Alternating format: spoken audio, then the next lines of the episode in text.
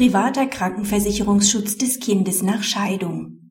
Die Kosten einer privaten Krankenversicherung sind angemessen und fallen unter den Krankenvorsorgeunterhalt nach 1610 BGB, wenn das Kind während des Zusammenlebens der Eltern ebenso wie diese privat krankenversichert war und der Wechsel in die gesetzliche Krankenversicherung zuzüglich einer Zusatzversicherung weder einen ähnlichen Versicherungsschutz bietet noch von den Kosten her wesentlich günstiger ist. Das Amtsgericht verurteilt den Vater zusätzlich zum anerkannten Tabellenunterhalt die monatlichen Kosten der privaten Krankenversicherung des Kindes zu tragen. Während des Zusammenlebens waren beide Elternteile und das Kind von Geburt an privat krankenversichert. Nach der Trennung wechselte die Mutter aus Kostengründen in die gesetzliche Krankenversicherung, der Vater blieb privat versichert. Er lebt in entsprechend guten wirtschaftlichen Verhältnissen und ist lediglich bereit, für das Kind eine private Zusatzversicherung abzuschließen. Die Berufung wird zurückgewiesen.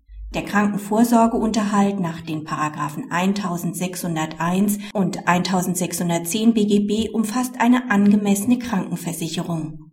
Die Kosten für die private Krankenversicherung eines Kindes sind in den Unterhaltsbeträgen der Unterhaltstabellen nicht enthalten. Der bar unterhaltspflichtige Elternteil muss zusätzlich für den Krankenvorsorgeunterhalt aufkommen.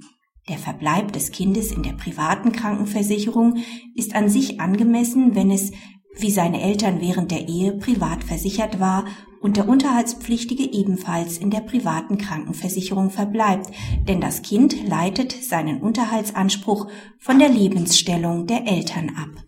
Auf einen Wechsel in die gesetzliche Krankenversicherung mit privater Zusatzversicherung kann das Kind nur verwiesen werden, wenn dies die wirtschaftlichere Alternative ist und ihm dadurch keine Nachteile entstehen. Der Vater hat nicht nachgewiesen, dass die von ihm angebotene private Zusatzversicherung in gleicher Weise wie die private Krankenversicherung freie Arztwahl und die Kosten einer ambulanten privatärztlichen Behandlung abdeckt. Er hat auch nicht nachgewiesen, dass er bei der Einholung des Angebots die bestehende ADS-Symptomatik des Kindes offengelegt hat. Nur wenn dem Kind keine Nachteile entstehen und die private Zusatzversicherung wirtschaftlicher ist, kann das Kind auf einen Wechsel in die gesetzliche Versicherung verwiesen werden. Der Anspruch auf Bezahlung der privaten Krankenversicherung kann ohne Zustimmung des anderen Elternteils nicht durch die Zusage des Unterhaltspflichtigen für nicht abgedeckte Kosten persönlich aufzukommen ersetzt werden. Praxishinweis. Bei sehr guten wirtschaftlichen Verhältnissen kann der Kindesunterhalt nach dem konkreten Bedarf bemessen werden. Der Höchstsatz nach der Düsseldorfer Tabelle stellt dabei nicht automatisch die Obergrenze dar.